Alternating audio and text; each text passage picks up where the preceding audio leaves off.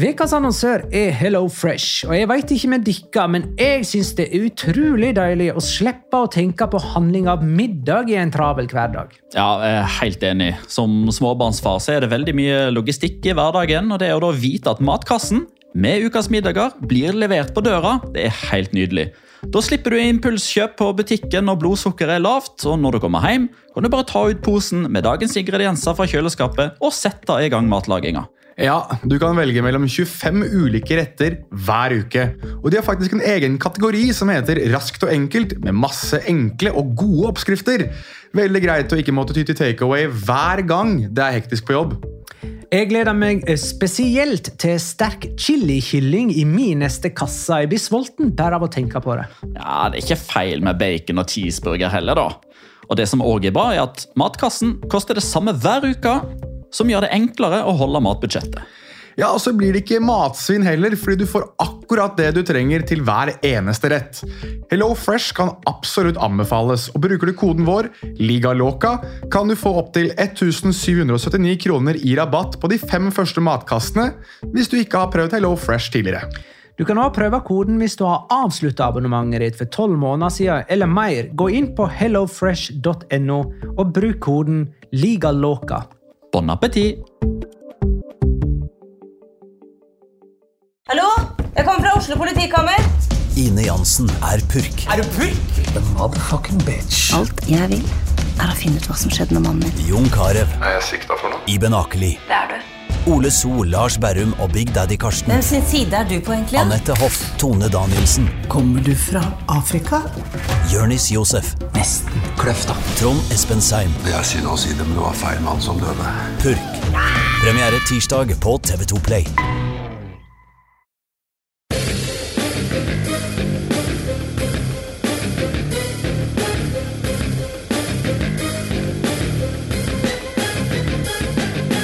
Har du sett? Vi trodde Real Madrid skulle bli nummer tre, men de vant.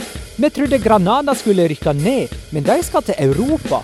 Vi trodde Valencia skulle bli nummer fire, at sesongen skulle slutte i mai, at det skulle være EM denne sommeren, for fulle tribuner.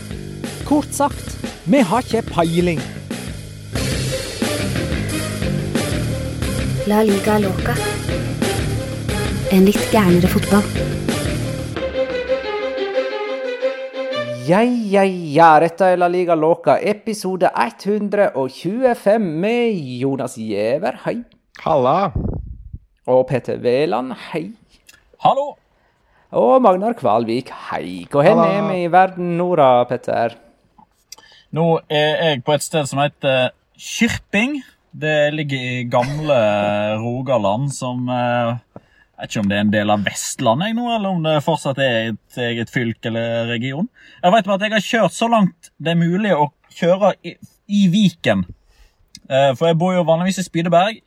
I dag så måtte jeg, eh, i stedet for å kjøre Haukelifjell, som jeg pleier å gjøre, så måtte jeg over Hardangervidda pga. noe tunnelarbeid og drit. Og når man har passert Geilo, da er man ute av Viken. Hvor hen, eh, I hvilken kommune er den plassen du nettopp sa? Kan du gjenta plassen en gang til? Kyrping heter stedet i kommunen som heter Etne, som vel da er fylket Rogaland. OK. Da er det fylket Rogaland og ikke Vestland. Da har vi i alle fall det på plass. Eh, Hvor hen eh, er du da, Jonas? Du, jeg er i Oslo sentrum, jeg. er okay. Der jeg hører hjemme, ikke noe sånn kyrping og geilo, piss og møkk som Petter driver og holder på med. Ja, med all respekt for alle fra Kyrping og Geilo der, altså. Og piss og møkk. eh, Husk piss og møkk. Må ikke glemme piss og møkk. Og klokka mi, den er nå ti over halv ett natt til tirsdag den 21. juli. Er ikke det riktig? Jo. Det er riktig. det er riktig. Uh, og her er grunnen til en denne sein... Her er det én time Jeg ligger én time etter dere, så her er det ti over halv tolv. Grunnen til denne sene innspillingen er Petters uh, mjølkeruta til Vestlandet. Skal vi um, se litt på de eh, siste serierundene som har blitt spilt? da. Det har blitt spilt to serierunder siden sist Vi var, lagde episode, og jeg husker selvfølgelig fortsatt ikke den nest siste, for det var torsdag. Eh, men jeg tror det var da Real Madrid vant eh, La Liga, eh, eller iallfall sikra seg tittelen. Og så ble det jo en rimelig dramatisk siste serierunde, da Granada sikra seg europaligaspill for første gang i historien, sammen med Villarreal og Real Sociedad. Den siste er jo litt viktig der, da, med norske og skandinaviske øyne. Det betyr for øvrig at Valencia og Atletic Klubb er utafor europacupspill neste sesong. Eh, I tillegg så ble det òg nedrykk på Leganes eh, siste serierunde. De måtte slå ligavinner Real Madrid i siste kamp, og holdt jo på å gjøre det. Eh, fremdeles er det ingen som helt forstår hvorfor de ikke ble straffet til Leganes på stillingen 2-2 da ballen var i albuen på Luka Jovic. Er det noen som har en god forklaring på hvorfor de ikke ble straffe der? Jeg har ikke noen god forklaring. Petter er kanskje litt bedre enn meg, jeg vet ikke. Ikke en god forklaring. Jeg, jeg, eh, jeg, så den der og tenkte liksom i eh, konteksten av alle henser som har vært, at det der var en klar hens. Ja, jeg er helt enig i det, og jeg så også at uh, godeste Itoralde Gonzales, som vi alle husker, uh, kjent for verdens lengste gule kort, annet, Eduardo Itoralde Gonzales, som vel er dommerekspert på Cadena Kåpe, altså radiokanalen Cadena Kåpe, han uh, var jo veldig tydelig på det at dette her er klar straffe. Han hadde en video også uh, på Twitter. Han snakket jo også på direktesendt spansk radio, men på Twitter har han forklarte hvorfor det skulle vært avblåst, og var veldig tydelig på det at Leganes var snytt for straffespark. og da Eh, slik det spilte seg ut, hvis det skal være veldig dramatiske, hvilket man gjerne er i Spania, så kan man også si at det er snytt for en fornyet kontrakt i, i La Liga, slik det spilte seg ut. Det var jo faktisk sånn han uh, formulerte seg òg. Jeg satt jo Nei, jeg er ikke overraska. Uh, jo, men jeg satt jo og hørte på den sendinga der, uh, og synkroniserte den opp mot TV-sendinga, sånn at jeg hørte hva som skjedde i de seks andre kampene, samtidig som jeg satt og fulgte med på den ene kampen som jeg rullerte litt mellom. da. Eh, og akkurat da den situasjonen skjedde, så hadde jeg vel Atletico Madrid mot Real Sociedad på TV-skjermen. Så skrudde jeg tilbake igjen rett etterpå. fordi jeg, jeg, det eneste jeg hørte fra den radiostrømmen, det var Itoralde Gonzales eh, som ropte 'Va pitar penalti! Va pitar penalti! Va pitar penalti!' Altså, Han kommer til å blåse straffe. Han kommer til å blåse straffe. Han kommer til å blåse straffe. Og det eneste han satt og repeterte når de oppsummerte situasjonen etterpå, det er at VAR har sendt ned Leganes. VAR har sendt ned Leganes.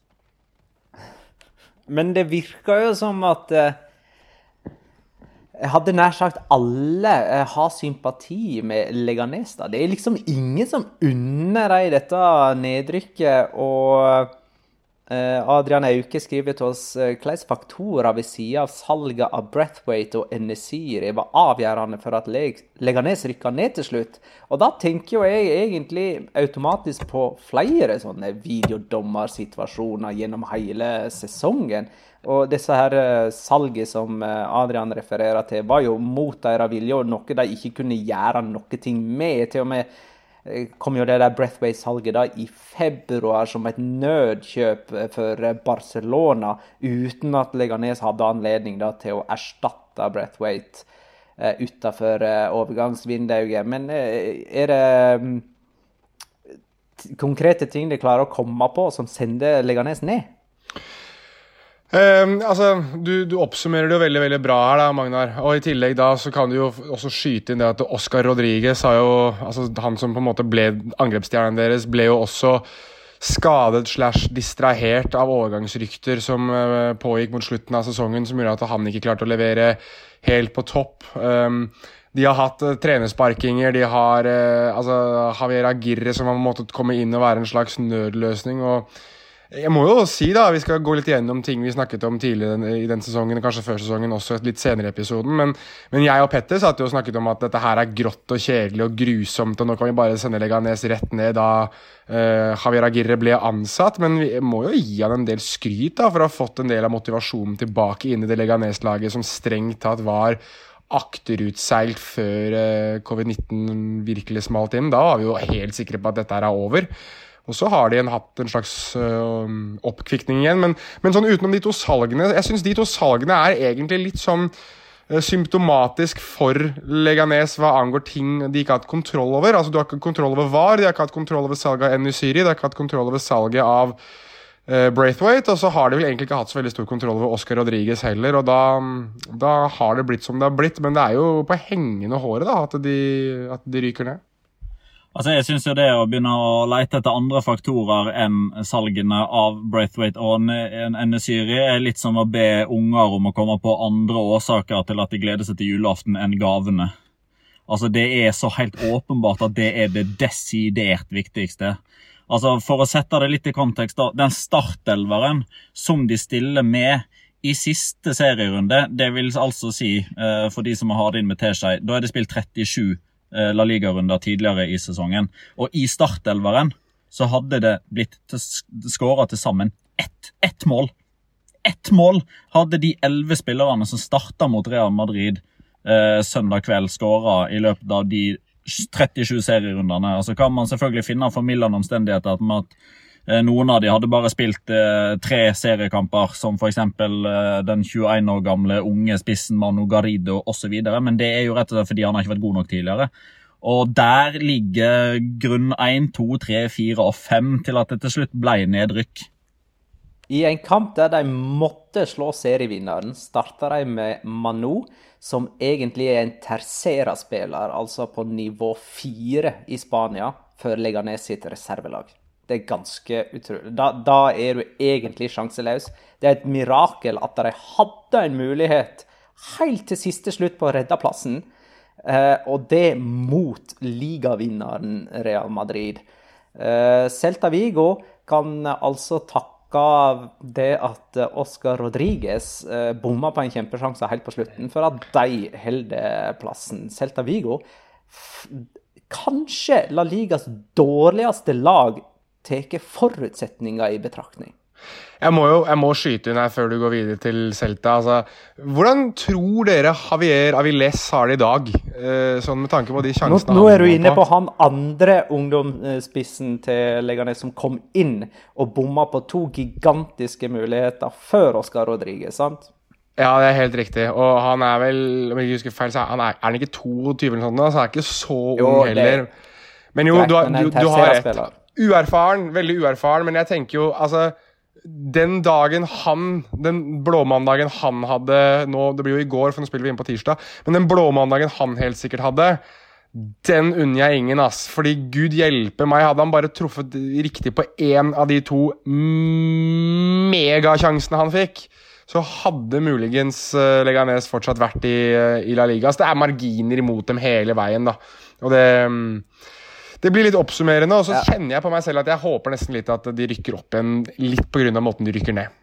Hvis jeg hadde kommet i prat med Javier Aviles i dag og skulle forsøke å finne noen trøstende ord, så hadde jeg vel sagt noe sånn som eh, at eh, ja, det var synd at du ikke skåra på de sjansene, men du skal vite det at hvis du hadde skåra der, og Leganes hadde vunnet 3-2, så kan du ta deg F på at Iago Aspas hadde skåra på den sjansen han brant seks minutter på overtid mot Español i den andre kampen. Aspas hadde redda Celta Vigo uansett.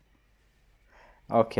Uh, Eirik Sandum påminner oss om at Deportivo faktisk rykka ned fra Segunda, og er et Segunda B-lag nå, med mindre de får igjennom noen protester.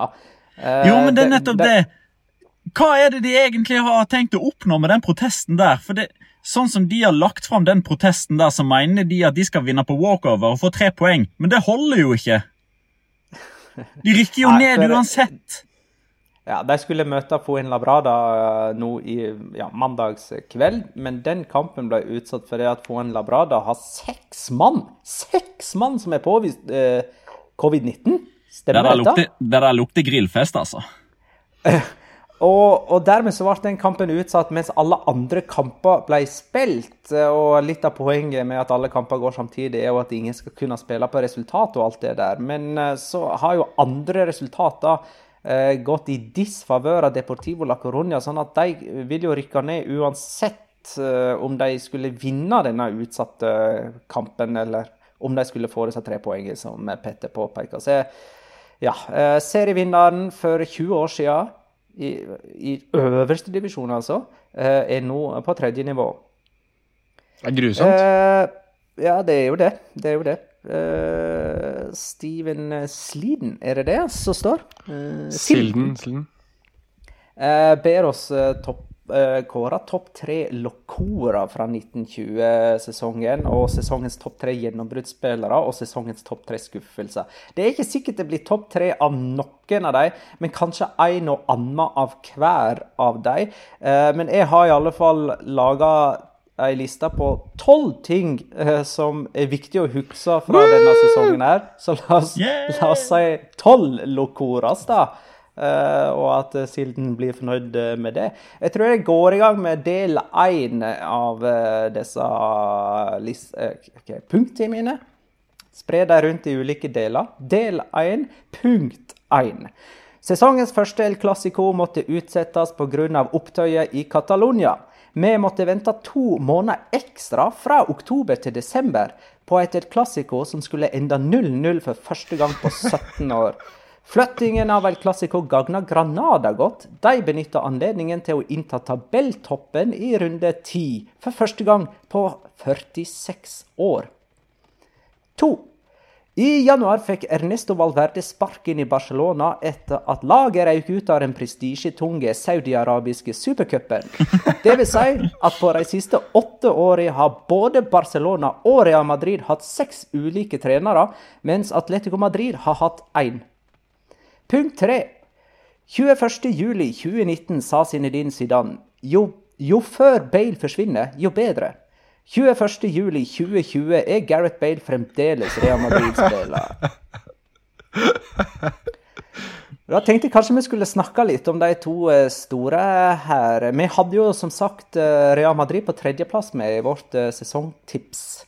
Eh, for det var jo der de enda sesongen før. Og vi har, ikke, vi har ikke tradisjoner for å gjøre store justeringer på den faktiske tabellen fra forrige sesong og til vår eh, preview-tabell neste sesong. Vi flytter kanskje ett lag eh, to plasser ned eller to plasser opp, og så hopper vi på det beste. Um, Vart med luft av at Real Madrid tapte 7-3 for Atletico i oppkjøringen. Eh, at de ikke fikk Paul Pogba, og at de ikke ble kvitt verken James Rodriguez eller Gareth Bale. Altså, satt meg med en følelse av at ingenting gikk etter planen eh, under sesongoppkjøringen til Real Madrid forrige sesong, eller i fjor, da. Ingen som har lyst til å svare på det? Jo, nei, jeg måtte, måtte tenke litt. Uh, for det er et veldig veldig godt spørsmål, og jeg tror at det svaret der er uh, at vi var nok litt lurt. og for jeg husker at vi, vi, Da vi snakket om det, så var det jo også litt det at Zinedine Zidane hadde begynt å bruke trebekslinje og skulle prøve ut nye ting. og Det virket som man var liksom litt på beinet fordi man ikke fikk til slik du sa, Magnar, de tingene man ønsket å gjøre på overgangsvinduet. At man måtte prøve å kompensere mest mulig. Uh, fordi at Vi snakket om at dette var sesongen der Real Madrid kanskje skulle fornye seg i litt større grad, og at nye krefter skulle komme til, og Eden Hazard osv. Men det jeg tror Zidane fant ut etter hvert, var jo det at uh, de gamle er fortsatt eldst. Og uh, det er jo på mange måter i hvert fall to av gamle gutta som har virkelig reist kjerringa denne sesongen. Og jeg tror nok at denne sesongen altså 1920-sesongen i stor grad kommer til å handle om at Karim Benzema faktisk viste oss en gang for alle at han er en verdensklassespiss, og at han kanskje har blitt litt neglisjert og glemt i dette Cristiano Ronaldo var så ekstremt god. Og så har du Sergio Ramos, som har på en eller annen merkverdig måte gjort litt sånn som de gjorde i Space Jam, der han tydeligvis har stjålet kreftene til alle tidligere offensive midtstopper og bare tatt dem til seg selv og blitt en eller annen sånn mekkagigantstopper, Uh, så jeg vet ikke. Um, jeg tror at de gamle er eldst, og de har vist seg fram, og da, da fortjener de å vinne seriegull. Og så må vi jo heller ikke glemme at uh, En av årsakene til at Real Madrid vinner seriegull, er jo at Barcelona tar færre poeng enn uh, jeg holdt på å si noensinne, uh, i frykt for å bli historieløs. Men altså, det er jo den det er jo, jeg håper å si, Hovedårsaken er jo naturligvis at Real Madrid har tatt flere poeng enn Barcelona, men det er jo av den eh, delvise årsaken av at Barcelona skuffer veldig. Og jeg er litt usikker på om jeg er mer imponert over Real Madrid enn jeg er skuffa over Barcelona, eller omvendt. Jeg tror jeg lander på at jeg er mer uh, imponert over Real Madrid, rett og slett pga. måten de avslutter på, og at det er så stor forskjell på de to lagene post covid-19. Og Det er jo òg en faktor som vi i hvert fall ikke hadde med i, uh, i, bildet.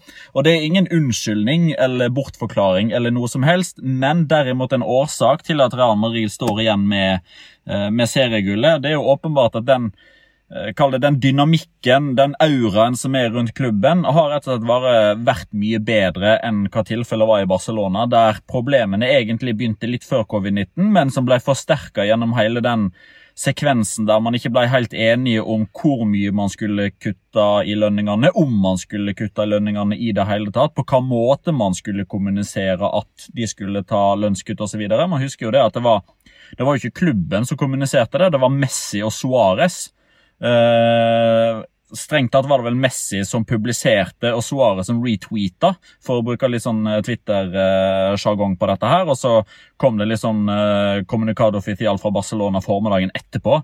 Uh, og allerede der begynte man liksom å se konturen av at dette her kunne bli en litt sånn tung periode for Barcelona. Og da det viste seg at sesongavslutninga kom til å bli veldig komprimert, Eh, så skal jeg være den første til å innrømme at jeg tok feil. fordi når jeg ble spurt uh, når sesongen starta igjen, hvem tror du vinner La Liga, så sa jeg jeg tror Barcelona vinner, av den enkle grunn at de starter med, med ett poeng mer. Uh, og det er en så stor fordel at da er det, det gir de en liten fordel. Men skulle Real Madrid ta det, så hadde det i så tilfelle vært pga. bredden i stallen. Og det har jo vært den store tunge på vektskåla. Måten Zidane har klart å rullere på laget og holdt hele elveren nærmest fit eh, hele veien, mens Kikiset igjen har spedd på med en åtte-ni B-lagsspillere i de aller fleste troppene fordi de solgte nesten rubbel og bitt i januar. Eh, Barcelona har vel eh, ikke tatt så få poeng siden 07-08-sesongen, mener jeg. Siste mm. til Frank Rijkaard. Og så lurer jeg på om ikke Atletico òg har tatt færre poeng nå enn noen gang under Simione. Men nå fikk de jo en god sesongavslutning, så det kan godt hende at de fikk løfta opp den poengskåren eh, i, i, så måte. Men eh, jeg lurer òg litt på om vi kanskje har undervurdert Zinedine Zidane sine taktisk sin, kompetanse. Jeg mener, han spiller ikke Det, det har ikke ett system, Real Madrid, virker det som. Det er mulig grunnideen er en 4-3-3, men de spiller jo med mange ulike formasjoner. Det virker som han setter opp laget etter motstandere og hvilke spillere han sjøl har tilgjengelig, ut ifra hvordan han ønsker å rotere.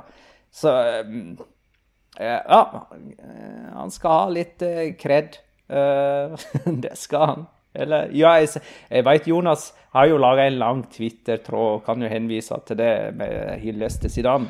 Ja, jeg skal ikke uh, sitere den så mye, men det er én ting som jeg synes er litt fint å ta med derfra, er jo den defensive rekorden. da. Fordi at uh, Real Madrid var jo kjent som et lag som skåret mye under Altså, Spesielt med Cristiano Ronaldo, da. Men nå har de jo i strengt tatt uh, altså, Siden La Liga begynte å spille med 38 kamper, så har jo ikke Real Madrid slik jeg forstod det, sluppet inn færre mål enn de har denne sesongen. Altså, De slapp inn 25 mål denne sesongen. og da Vi må tilbake til 87-88-sesongen for å finne sist gang de gjorde det like bra i en sesong som ble spilt over 38 kamper, og da slapp de inn 26.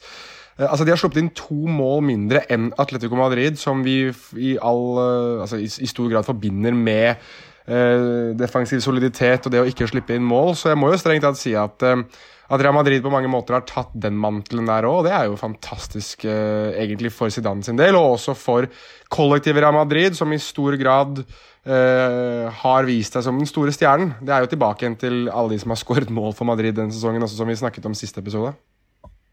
Zidane har uh, en enorm trofésanking. da. Elleve trofé på 210 eh, kamper. Uh, og det er vel faktisk bare Miguel Munoz som har tatt flere trofé som Real Madrid-trener. Var det 15 trofé på 605 kamper? Høres riktig ut. Nå er den duren, ja. Er det, er det ja. Miguel Munoz er han 50-tallstreneren, ikke da? Han som ledet alle fem ulike europacuper og sånn?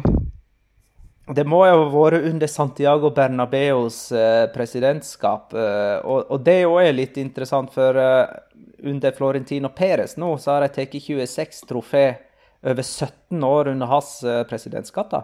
Mens under Santiago Bernabeu så tok de jo 33 trofé over 35 år. Så Florentino Perez har jo flere trofé mer enn ett trofé per år han har sett det, mens uh, det var ikke tilfellet med Santiago Bernabeu. Jeg tror ikke at Florentino Perez får en Real Madrid-stadion oppkalla etter seg av den uh, grunn. En ting jeg lurer på, ga Barcelona oppe på, på torsdag eller i nest siste runde, når de tapte hjemme mot Osasona? en kamp de måtte vinne for å, å holde liv i, i spenningen? Eller i håpet, da? Jeg fikk ikke sett den kampen, uh, så jeg fikk ikke gjort Stopp pressen! Nei, men hør nå, da. Uh, jeg har jo selvfølgelig sett den i opptak, uh, men, men, der okay, og da Uh, når jeg fulgte den uh, radiosendinga, som jeg jo da gjorde uh, i nest siste runde og i siste runde, når alt går samtidig, for å prøve å holde status oppe på hva som skjer i alle bauger og kanter av Spania, da ble det jo referert til fra han som fulgte Barcelona-oppgjøret her, og sa at det det virka ikke som at det var noe som sto på spill, og det virka som at det var eh, lav selvtillit, lav motivasjon, egentlig lav kvalitet på absolutt alt som de uh, forsøkte å foreta seg ut på banen der, men hvis, hvis så et tilfelle, at man ikke kjemper helt til siste, siste slaget står, så er jo det urovekkende i form av at da, da er man jo igjen inne på det der med at Kikiset igjen ikke klarer å nå igjennom med budskap, at han ikke klarer å motivere spillerne osv. Ja, det fikk vi jo kanskje bekrefta av uh, Arthur underveis, når han ble fotografert på uh, på tribunen og han satt og, og gjespa og uh, eh, kjempa mot uh, øyelokk som var særdeles tunge. Og man fikk det nesten bekrefta av Kikiset igjen etter kampen òg sjøl, da han presterer å si at han ikke veit om han trener laget om tre uker. Altså, Herregud, for en uttalelse. Du fikk, du fikk, det jo Jeg må jo bare få skutt inn, du fikk det jo også bekrefta av Messi, da Da han satte frispark i mål, og den der gesten var sånn Altså, ha, få det, altså, ja, det var jo litt bort. sånn her eh, sånn hissig sånn der whatever eh, målfeiring i gåsehauget på Messi på den her. Ja, jeg tror jeg har aldri sett han uh, reagere sånn når han sjøl scorer. Nei, men der er vi inne på det som, jeg, det som vi snakket om i siste episode. Det, det er noe nytt med Messi og hvordan han oppfører seg. Og litt det med at han skal snakke etter den kampen, og da var han forbanna, og så skulle han snakke etter siste seriekamp. altså jeg kan godt være Jeg skal ikke ta hele den diskusjonen en gang til, men jeg blir ikke overraska dersom Lionel Messi forsvinner i løpet av det neste året. Jeg gjør ikke det. Hmm. Det blir en annen diskusjon. Ja, okay. Det hadde vært fristende å snakke mer om det, men det orka vi rett og slett Det er en hel episode for det, Magnar. Det tar en hel episode ja, en gang. Men Barcelona slår jo Napoli 2-0 i Champions League, har Petter sleget slått fast. Uh, så det er jo ingen grunn til bekymring der, da. Cuplaget Napoli. Jo, de slo jo Alaves 5-0 i siste serierunde. Der var Ricky Pudge veldig, veldig frisk. Ruben Setre spør om dette er det definitive gjennombruddet til Ricky Pudge. Og jeg har litt lyst til å ta dette spørsmålet opp mot uh, Steven Silden òg. Kan dette ha vært en av de tre gjennombruddsspillerne?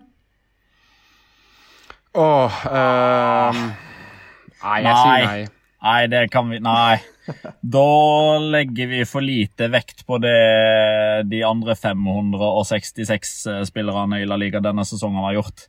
Rikke Putz har vært lovende nå på slutten, det er helt riktig, jo, men, og, og, de aller jo, fleste vel kan stå for. Men, men, men eh, han har jo ikke fått anledning heller eh, tidligere. Eh, altså at, eh, han har jo vist på slutten eh, nettopp hva som faktisk bor i han. da. Definitivt, men ikke nok til at han skal være topp tre gjennombrudd. Og akkurat den Alaves Barcelona 05 den tror jeg vi skal gi like mye betydning som Manchester, nei, Atletico Madrid, Real Madrid 7-3 for et år siden. Det var en treningskamp. Ja, jeg, for, for skyte inn da, Hvis du skal ha gjennombrudd, så får jeg skyte inn Ansu Fati. Ja, da. Hvis du skal ha en, en Barcelona-spiller, der har du muligens en som har hatt et litt mer gjennombrudd enn det Ricky Puja har hatt. Ja, den er god. Uh, Ansu Fati er der. Og så skal jeg komme tilbake til en annen senere.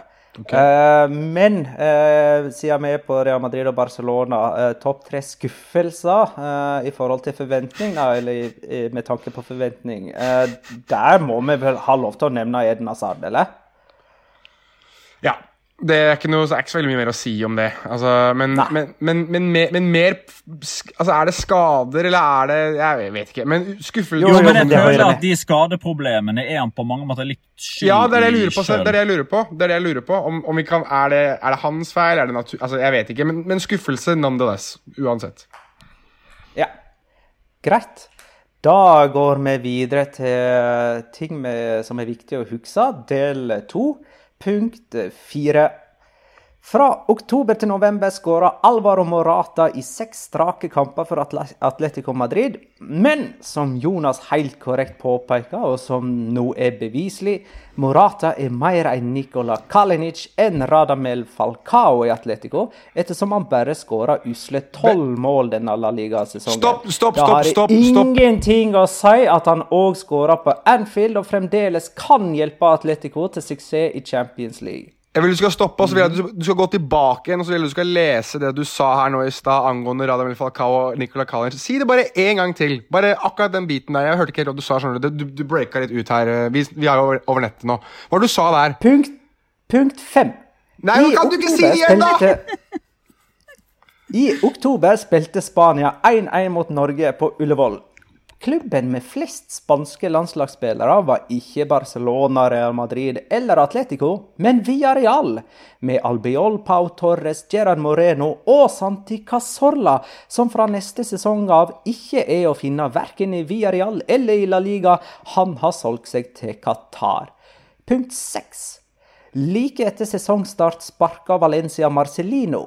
Like før sesongslutt sparka de Albert Celades. I mellomtiden har eiere jobba knallhardt for å få fansen til å holde kjeft, og det er ganske eksplisitt, enten via Instagram-meldinger eller ved bruk av effektive hysjetegn på VIP-tribuner. Akkurat nå står Valencia uten trener, og neste steg er å sende de beste spillerne på dør. Så da kan vi snakke litt om Valencia og Villarreal. Vi kan begynne med førstnevnte Chemoche, eller hva blir det? Chemos Che skriver til oss. Hvor mange, og ikke minst hvem, mista Valencia etter sesongen? Blir neste sesong starten på en helt ny Valencia-epoke? Eh, Jonas, du kan jo få første ord der, da. Ja, det Jeg kan snakke lenge om mye, men uh, det første altså det første spørsmålet er hvem som forsvinner. Jeg tror, Ferran Torres er nok førstemann ut den døra, for det er han som kommer til å generere mest penger, regner jeg med. Og der har du en av uh, gjennombruddspillerne ja, denne sesongen. Definitivt. definitivt. Han og Ansu Fati der, altså. Ja, men der snakker vi en spiller som ryktes til bl.a. Manchester City. og da, Han har en utkjøpsklausul på 100 millioner euro, men han har ett år igjen av kontrakten. og da blir det sikkert et sted mellom 30 og 40 millioner euro, regner jeg med. Jeg tror ikke Valencia kan be om så fryktelig mye mer, uansett. Um, og han er førstemann. Altså Dan, Dani Parejo har tydeligvis fått beskjed om at han skal ut. Geoffrey Condogby har fått beskjed om at han skal ut. Kevin Gameir har fått beskjed om at han skal ut. Det er jo de spillerne som er på høyest lønninger, fordi at man nå har akkumulert med det at man sitter igjen med en lønns Um, altså en lønnspost som er altfor altfor høy, og derfor så må man fjerne de beste og best betalte spillerne, naturlig nok. Dette grunnet covid-19. Nå har vi også snakket om at eh, Peter Lim har personlig nå tatt over veldig mye av styringen hva angår økonomi i klubben. At han ønsker å ha mer hands on forståelse om hva som skjer, som selvfølgelig er hånd i hånd med det reneste helvete som det de fleste Valencia-supportere opplever akkurat nå.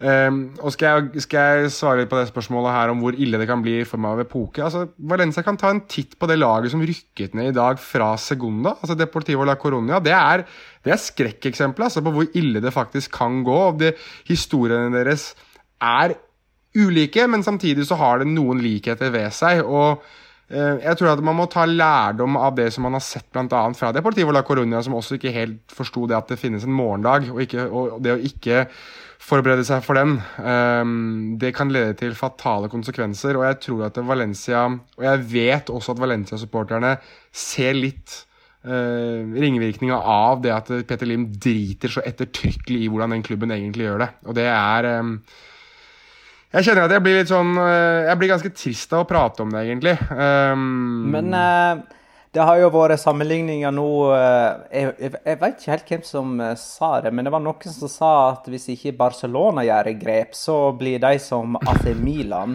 Eh, Og hvis Valencia ikke gjør grep, så blir de som Deportivo La Coruña. Altså. Kan, vi, kan vi si det sånn, da? Valencia stifta 1919 og lagt ned i 2020. Ga de egentlig blaffen i å, å prøve å komme seg til Europaligaen hele tatt på slutten der, Petter? Eh, Man kunne jo nesten begynne å lure på det, fordi altså, i denne tragikomiske stunden for Valencia, så er det jo Valencia-supportere som nå egentlig puster litt letta ut av at de ikke fikk den syvendeplassen fordi det hadde bare vært en sånn forstyrrende faktor. fordi neste sesong, som er veldig eh, Altså hvordan den Valencia-troppen kommer til å se ut sesongen 2021, er det veldig få som vet, rett og slett pga. at nå er det liksom eh, Nå er det en dårlig skjult hemmelighet at samtlige spillere i Valencia-stallen, med unntak av José Luis Galla, er til salgs. Eh, Så hvordan den spillerstallen kommer til å se ut, er det ganske få som eh, vet, men at kvaliteten kommer til å være lavere, sånn i utgangspunktet, er jo ganske klart.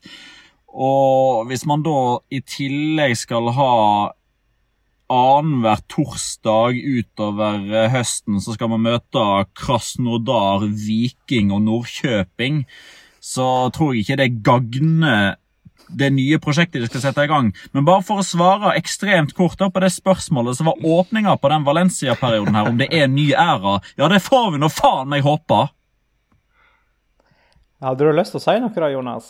Ja, jeg ville egentlig også si det at det ryktes jo i eh, det vide og det brede om at eh, Og det snakket vi litt om sist òg, at eh, Peter Lim seriøst vurderer å selge klubben. At han vurderer at det kanskje er på tide at han gir seg. Og det har jo også litt med det sykdomsspørsmålet hans og de problemene han har med det å gjøre. Og så regner jeg med at den voksne upopulariteten som man har i, blant Valencia-supporterne, også er en medvirkende faktor. Men jeg uh, synes jo det er, det er en ekstremt spennende tid man går inn i som, som Valencia-supporter og som spansk fotballsupporter sånn på generelt grunnlag. fordi at Valencia står nok litt ved, ved et veiskille her nå. At, hvorvidt de skal være en klubb som man kan regne med i toppsjiktet, da, altså tidvis i Champions League og Europa League, eller om det er en klubb som kanskje skal være litt mer som Celta Vigo og kjempe mot nedrykk og, og slite i bånn. Jeg, jeg tror oppriktig talt at det kan bli den nye hverdagen til Valencia hvis de gjør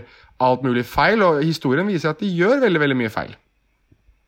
Kan uh, Maxi Gomez være en av de uh, tre skuffelsene? Ja, det syns jeg. Det syns jeg definitivt. Ja, ja, han kan nok være inne på en topp tre på Valencia, men han skåra tross alt ni mål, da. Det, det Gjorde han det? Var det, det såpass mange? Ja, han var oppe og snusa på tosifra, faktisk. Men uh, Jeg bare får sagt en ting før du går videre. Jeg bare sier, Dere lo av Simone Sasa, og at det var greit at han forsvant. Jeg er fortsatt fly forbanna over det. Bare så det er loggført. Takk videre til Petter Wæland. Og så skjenker vi en liten tanke til uh, Hans Christian uh, Lange, som uh, jo er veldig glad i og flink til å monitorere disse valensianske mediene og forsøke å filtrere ut hva som er søppelrykter og hva det er hold i. Altså den, de, de to nesten tre månedene han går i møte nå Altså, Hans Christian, jeg vet at du hører på. Hei. hvis du trenger en sånn powerbank til å holde mobilen din lada gjennom sommeren. Send et Vipps-krav til han som har vunnet Lotto, så skal han spandere det på deg. Men eh, la oss snakke litt om eh, mønsterklubben Villarreal. Eh, som kom ja. på femteplass denne sesongen etter å ha kjempa i nedrykksstriden forrige sesong. Eh, femteplass det er ikke godt nok. Eh, sparken der på Havi Calleja. Og inn da med Unai Emeri. Nå skal Villarreal vinne Europaligaen de neste tre årene. Vegard Håvi er skeptisk. Hva skal Villarreal med Unai Emeri? Men altså, jeg, jeg må bare Altså, det, det, slo meg nå. Altså, Javier Calleja må jo tenke Ok, hva hva må jeg egentlig gjøre for å få lov til å fortsette den klubben her? Nå har han gjort det dårlig og fått fyken og blitt henta tilbake igjen. Gjort det bra, eh, men nei. Eh, men hva Emeri skal i Viareal, eller hva Viareal skal med Emeri altså, jeg må jo si at eh, hvis jeg sjøl forsøker å legge bort litt av den latterliggjøringa som jeg har vært en del av, egentlig, når det gjelder Unai Emery, så er dette her et skup for Viareal. For man må ikke glemme hvor liten den klubben her egentlig er. Den overpresterer når den tar en, en, en femteplass. Eh, og det at de nå har kvalifisert seg for Europacup for 16. gang de siste 19 sesongene Altså, vi, vi snakker klubbdrift som er langt bedre enn hva det ser ut som med tanke på den trenerkabalen som han har holdt på med nå de siste to årene. For det ser ikke bra ut, verken på papiret eller i praksis. Men uh, Unai Emery han har en merittliste og en CV som er fantastisk for en klubb som Viareal. Når man ser på de trenerne som Viareal har ansatt de siste årene, så har det som regel vært uh, spillere som har vært i klubb, eller trenere som har vært der som eh, spiller tidligere, som f.eks. Javier Calleja. Det har vært Luis Garcia Plaza, det har vært Miguel Ángel Lotina, det har vært Juan Carlos Garrido, eh, det har vært Julio Velasquez. Det er ikke mange trenere med store CV-er som har vært der. Du har Manuel Pellegrino, men han skrev sin egen CV der. Eh, eller så har du egentlig litt sånn up and coming, eller trenere som har Jeg kaller det som var litt sånn inn for mange år tilbake igjen. Altså, Unai Emery kommer fra Arsenal, PSG, mange år i Valencia og Sevilla. Og spesielt i Sevilla så var han faktisk jævlig god. Det som er problemet til Viareal i så måte, er jo at det som har vært Unai Emery store problem, er jo å få klubbene til å ta det siste steget. Og det siste steget for Villarreal akkurat nå er å ta seg inn i topp fire, eventuelt å vinne et trofé. Det er litt usikker på om han klarer. Ja, eh, jeg tenker at Unai Emery er en klassisk topp fem, topp seks-trener for uh, Villarreal, da. Jonas? Vi får jo endelig se Unai Emery i en klubb som jeg tror passer han mye mye bedre. da. Jeg, altså jeg får litt sånn Julian Lopetegi-følelse av det i Sevilla. Altså Det er en klubb som kanskje passer hans personlighet i litt større grad. At man skal slå litt nedenfor og opp, og så kan man overprestere litt. Og det har på mange måter litt lik personlighet da, som det Sevilla har, og det Sevilla går inn for sesong etter sesong. Um, og jeg synes jo, altså Ona Emery Arsenal, han skulle liksom være etter Wenger, og så skulle han eller Først var det jo altså PSG-eventyret, der han liksom skulle ta de videre i Europa etter at de fikk uh, ordentlig kjørt seg i, i, Europa en del ganger. Og så skjedde jo selvfølgelig dette her remontadaen til Barcelona. Altså, Han har aldri vært en trener føler jeg, som skal trene de virkelig virkelig, virkelig store gigantene. Og med all respekt til Villarreal, altså, som Petter selv påpekte her nå, de er ikke en gigantisk klubb. Det er ikke en klubb med ekstreme forventninger, slik de vi har nevnt tidligere her. Det er ikke Barcelona og Real Madrid. Så jeg tror at dette her er um, dette er god match. Jeg tror at det her kommer til å bli veldig veldig bra. og Jeg syns det blir spennende å se Una Emery tilbake igjen i, uh, i La Liga. Men så må vi bare glede oss til at han kommer til å få ris på rumpa hver eneste gang han skal besøke en stor stadion, da. Og så kan vi jo nevne, apropos Villarreal, at Gerard Moreno vant eh, Sarra-trofeet. Han ble eh, mestskårende spanjol med sine 18 18, vel, om jeg ikke husker dette her feil. Det er jo ny personlig skåringsrekord, det må det jo være. Mener, jo, mm. det er det. Han hadde 16 som sin personlige skåringsrekord fra før. Vi beveger oss videre. Ting å huske, del 3. Punkt 7. Eh, La Liga-sesongens aller første mål eh, var La Liga-sesongens aller vakreste mål. I alle fall om en legger til alle kontekstene. Aritz Adoris avgjorde for Atletic mot Barcelona, og ikke bare var det et vanvittig spenstig saksespark av en spiller på 38,5 år. Det ble Adoris sitt aller siste mål ettersom han knapt spilte etter det. Han rakk å bli 39 før han la opp, mens hele verden satt i koronakarantene. Punkt 8. Slår du sammen Oslo og Viken fylke, får du en befolkning på ca. 1,8 millioner. Det er like mange som i landet Guinea-Bissau, der Ansu Fati ble født. Han var 16 år og 304 dager gammel da han var tidenes yngste målskårer for Barcelona i tredje serierunde mot Osasona. I neste serierunde, mot Valencia, starta han for første gang og var tidenes yngste La Liga-spiller som både skåra og assisterte i én og samme kamp. I februar ble han tidenes yngste som skåra to i én og samme kamp mot Levante. Punkt 9. Joaquin er 21 år eldre enn Ansu Fati, og som 38-åring ble han tidenes eldste spiller med hat trick i La Liga da han brukte 20 minutter på å skåre tre mål for Real Betis mot Atletic Klubb i desember. Han er den eneste, sammen med Lionel Messi, som leverte hat trick uh, i målgivende i én kamp, og hat trick i skåringa i en annen kamp denne sesongen. Uh, nå skal dere få lov til å ta og gi oss uh, det dere mener er årets lag, og dere har fem minutter på dere fra nå. Uh, og da begynner vi med keeper. Da begynner vi med den keeperen som vel har sluppet inn færrest mål. Det må gå fortere. Ja, det er uh, Thibaut Courtois fra Real Madrid. Vi snakket mye om at de har sluppet inn færrest mål, og da må keeperen inn. I, selv om vi kunne også vurdert Jan Oblak, selvfølgelig, som alltid er med der oppe. Og Unai Simon fra Athletic, som Petter liker og jeg ikke liker. Uh, han kunne også ha vært med, men eh, det blir Thibaut Courtois. Høyre bekk, Petter. Victor Diaz i Granada. Hvem faen er det, spør dere? Og da svarer vi det er høyrebekken til Granada, som har vært eh, jevn. Han har vært god, han har vært solid, slått mange målgivende pasninger, bidratt både offensivt og defensivt, og ble valgt i en sånn kronemyntvariant versus Jesus Navas. Stopper.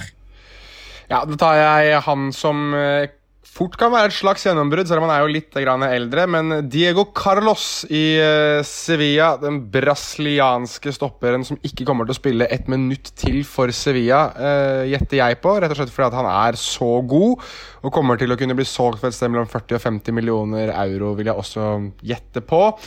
Uh, fantastisk god stopper for Sevilla, som skal tilbake inn i Champions League. Han må med i vårt lag. Hans eh, stoppermakker kommer fra Real Madrid. Det kunne like gjerne vært eh, Rafael Varan, for han har kanskje vært hakket bedre til å forsvare eget mål, men det er Sergio Ramos ganske god til, i tillegg til at han har skåra elleve mål i La Liga denne sesongen. De fleste fra straffemerket, men òg i etablert på frispark og på dødball. Mestskårende forsvarsspiller i La Liga-sammenheng siden 1993. Venstrebekk, Jonas. Der har vi gått for Juri Bercice i Athletic. Um, altså Rett og slett fordi han har vært bunnsolid begge veier. Har jo levert uh, vel to skåringer og to målgivende også, hvis jeg ikke husker helt feil. Men, uh, men det er strengt at hans defensive arbeid og den oppofrende viljen han har begge veier, som gjør at han kommer inn på det laget her. Og, og strengt tatt, det var ikke så veldig vanskelig å, å velge han inn på dette laget, følte jeg i hvert fall. Inn på midtbanen, defensiv, Petter. Liten fotnote der. Venstrebekkene må opp i ringer neste sesong, for dette er the weakest link. Eh, ankeret der er Casemiro. Eh, igjen så viser han hvor eh, fantastisk viktig han er for Real Madrid. Han eh, havner jo som regel i skyggen bak andre Real Madrid-spillere når man skal dra fram superlativene og årsakene til at de vinner seriegull, men han er aldri skada.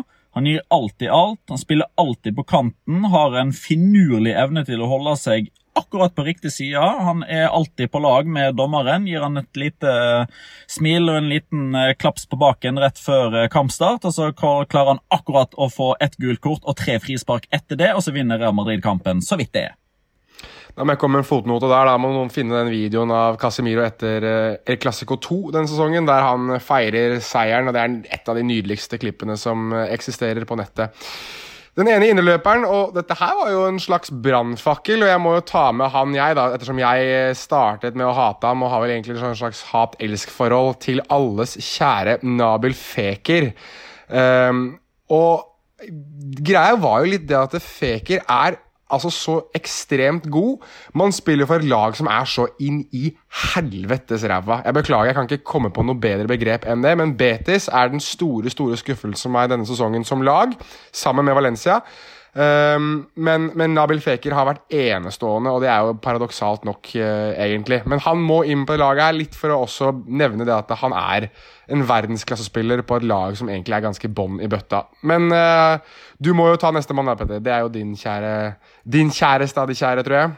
Det er vår alles kjære, skal jeg si deg. Det er Santi Casola. Som eh, Vi er jo glad bare for å få se han spille fotball, for han skulle jo egentlig ikke gjort det hvis eh, alle legene som eh, diagnostiserte han for noen år tilbake, hadde fått rett. Så skulle han egentlig bare være glad for å gå i bakgården sammen med sønnen sin. Eh, I stedet for så har han vært den, den beste spilleren for et Viareal-lag som har overraska positivt og tatt en femteplass. Ni mål og ni målgiverne. De eneste to spillerne som kan matche det, altså ni pluss i begge de to eh, kategoriene, det er verdens beste fotballspiller, Lionel Messi og Miquel Oyarzabal i Real Sociedad, som ikke får en plass på laget, Jonas, fordi vi har valgt Lucas Ocampos.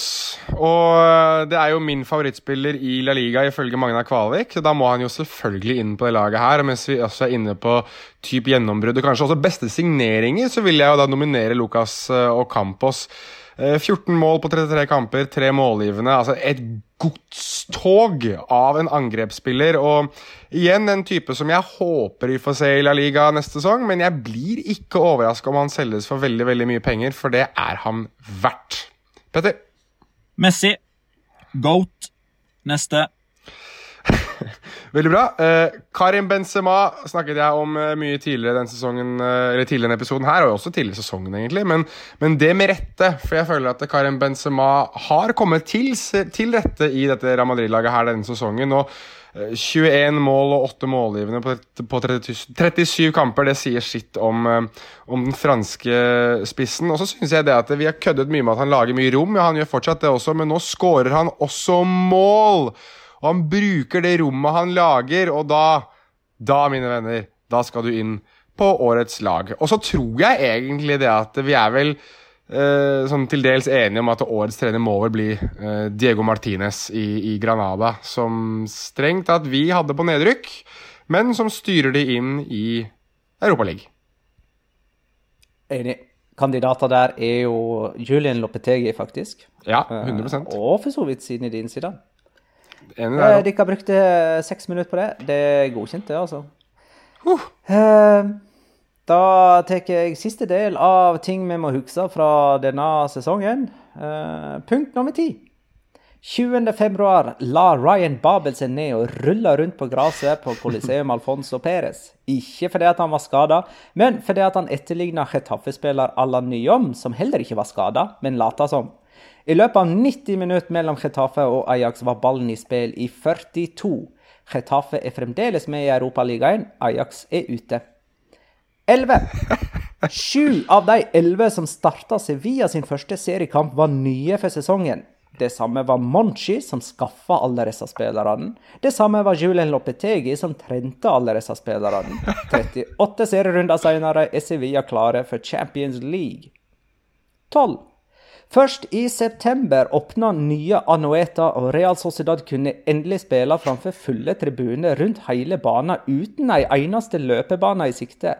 Og den aller første målskårer på det ferdigstilte anlegget ble Martin Ødegaard da La Real slo Atletico Madrid 2-0.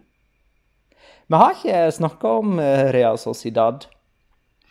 Og det er jo de som lurer på fortsatt eh, om den europaligaplassen betyr eh, ett år til i Real Sociedad før Martin Ødegaard. Eventuelt om denne Jumpers knee-greia hans eh, får noen konsekvenser.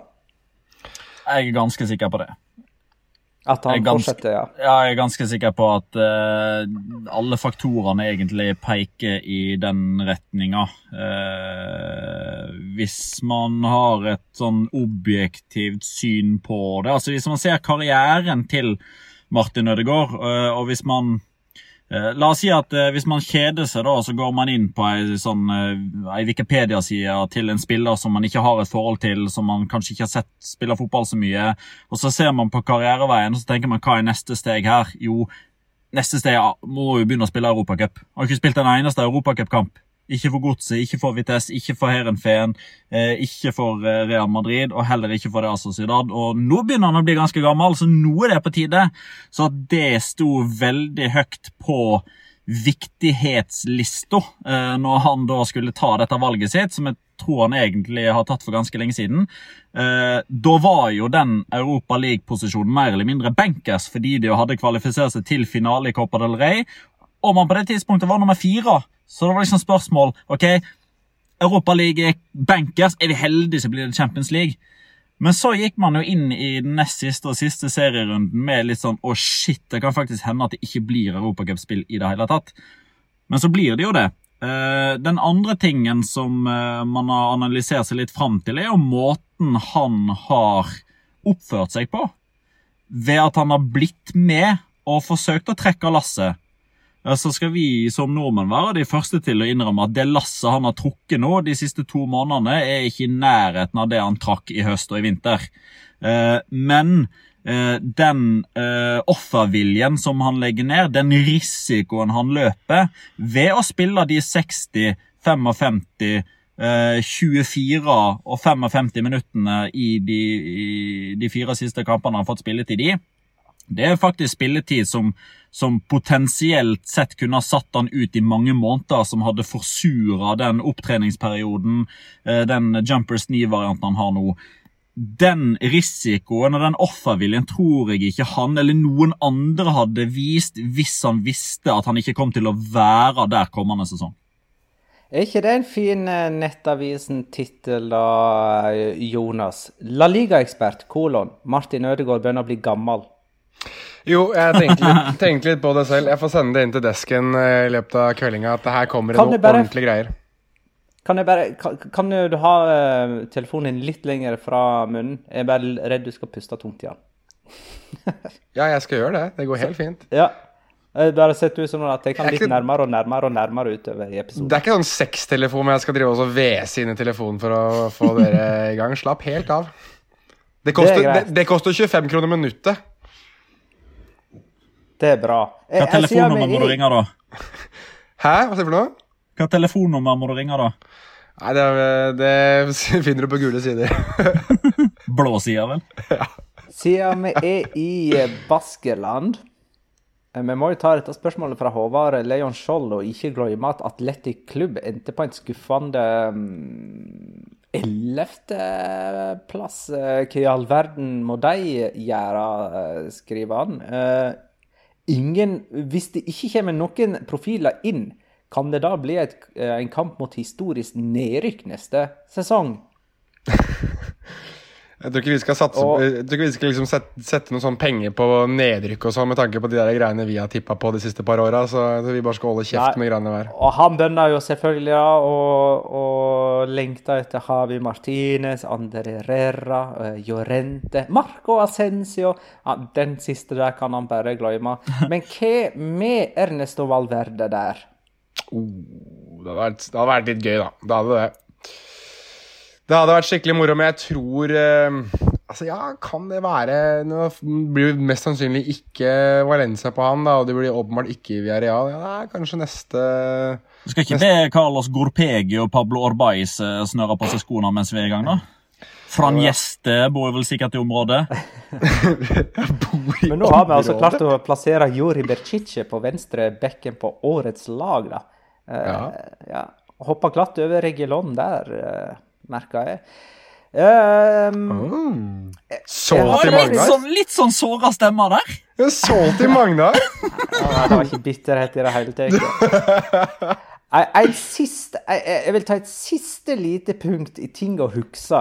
ja. uh, og det er fra 2010 til 2012 danna Barcelona, Real Madrid og Valencia topp tre tre år på rad. Det var første gang at de tre samme klubbene danna topp tre i tre strake sesonger. Siden det har Barcelona, Real Madrid og Atletico danna topp tre åtte sesonger på rad. Men nå går vi jo inn i ny, et nytt tiår. Eh, en ny epoke i ferd med å, å danne seg. Og Sevilla eh, skal jo selvfølgelig da eh, bryte opp Hva blir det, da? Triopolien? Tripoli er fall hovedstaden i et eller annet land. Men jeg vet ikke helt om det er det du skal fram til. Tripolis. Tripoli, var det?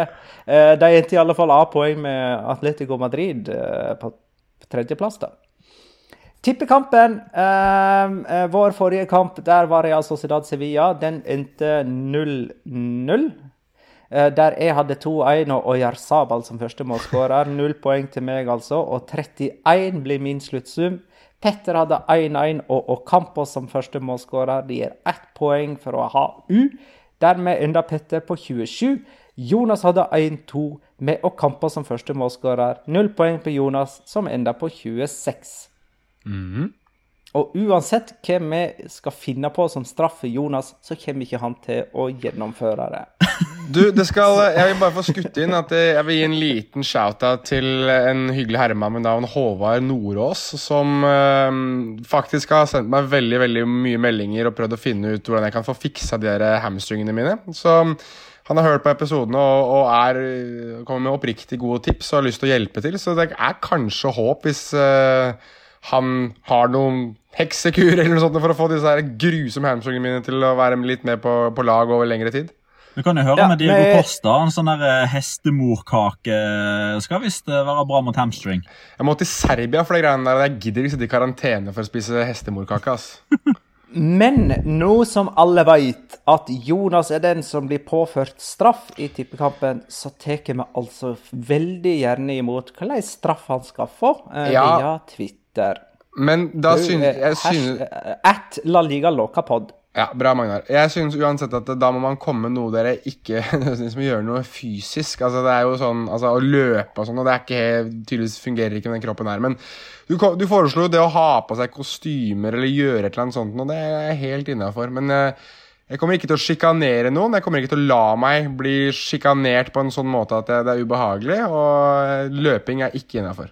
Jeg foreslår at vi jeg foreslår at vi en mandagsmorgen kliner ei bløtkake i trynet på deg, og du har ikke lov til å vaske deg i ansiktet før vi har spilt inn episoden den kvelden. Vi skal i alle fall ikke ha noe som ødelegger episoden vår, sånn som da jeg ble straffa. Ja, det stemmer, det. Vi skal se litt grann nå eh, på våre påstander eh, før, eller ja. gjennom eh, sesongen, og hvorvidt eh, Ja. det gikk eh, bra.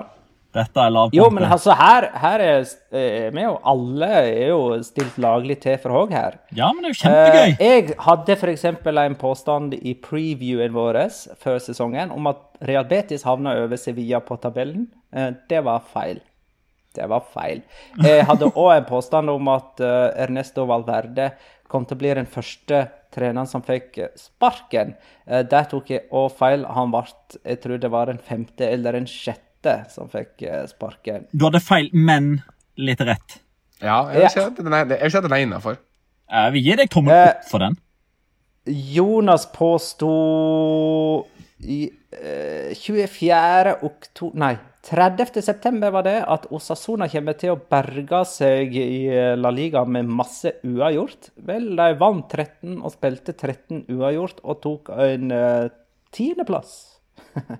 Eh, Som vi kan vel godt, si at det var innafor. I samme episode hevder eh, Petter at eh, før eller seinere så kom det til å Hvordan sier man dette? At rullegardina går ned på Arthur. Som før eller seinere får rødt kort. Det, det skjedde ikke. Og det skjedde ikke. Og jeg er litt usikker på hvorfor egentlig den påstanden kom i utgangspunktet. Jo, det var var fordi det altså eh, jeg hadde sett en tendens til at ved balltap, og hvis ting ikke satt, så fikk han altså et ansiktsuttrykk eh, som jeg tolka som eh, ei potensiell sånn klikkebye.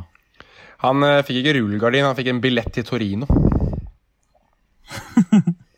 Og så var det altså 24. oktober, midt i den gode skåringsrekka til Alvaro Morata, at Jonas hevda at Morata eh, kom til å være nærmere Kalinic enn Falcao.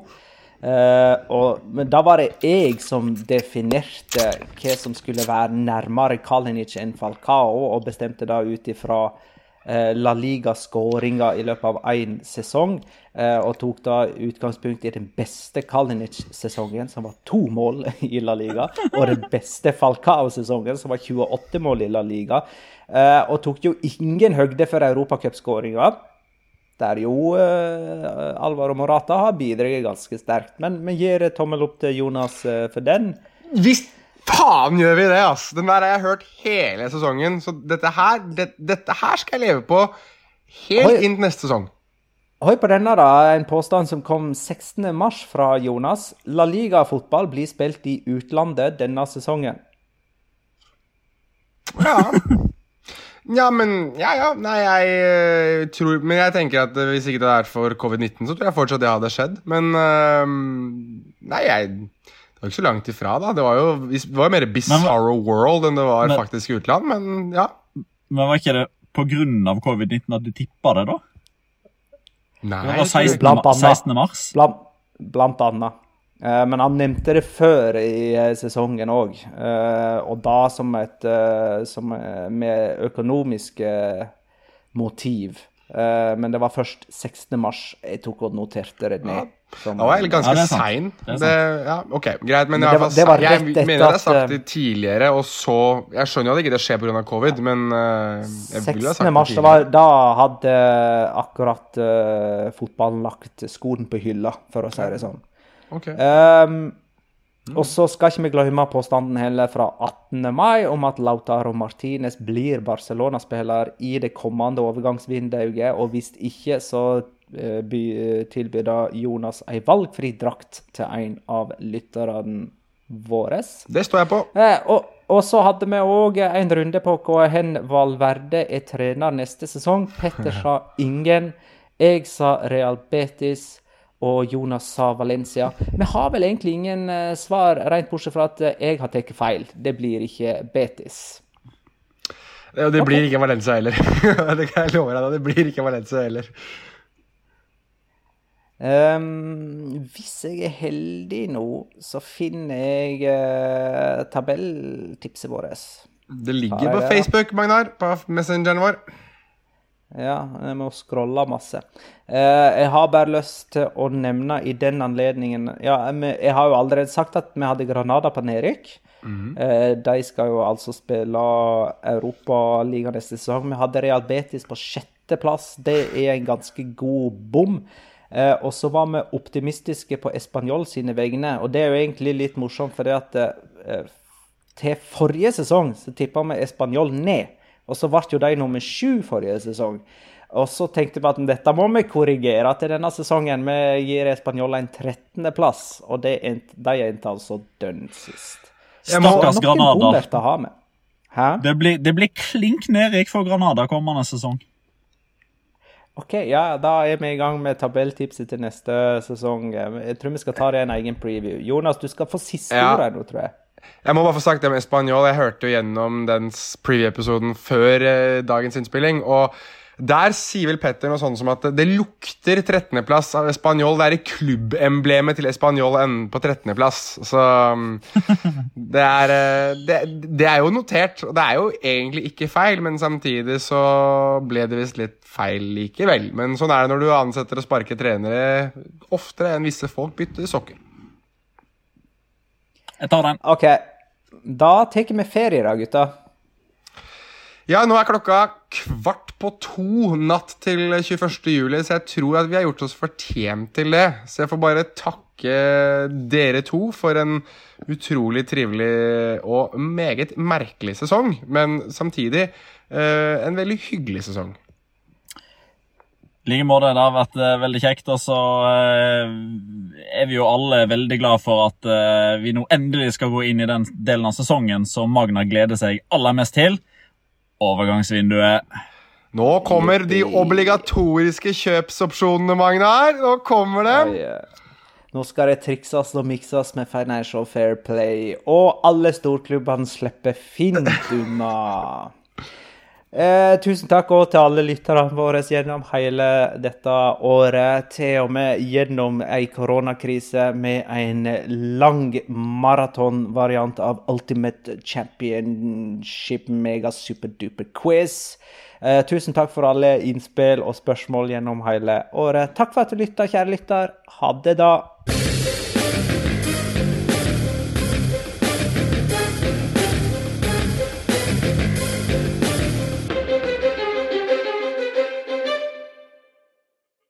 Har du et enkeltpersonforetak eller en liten bedrift? Da er du sikkert lei av å høre meg snakke om hvor enkelt det er med kvitteringer og bilag i fiken, så vi eh, gir oss her, vi. Fordi vi liker enkelt. Fiken superenkelt regnskap.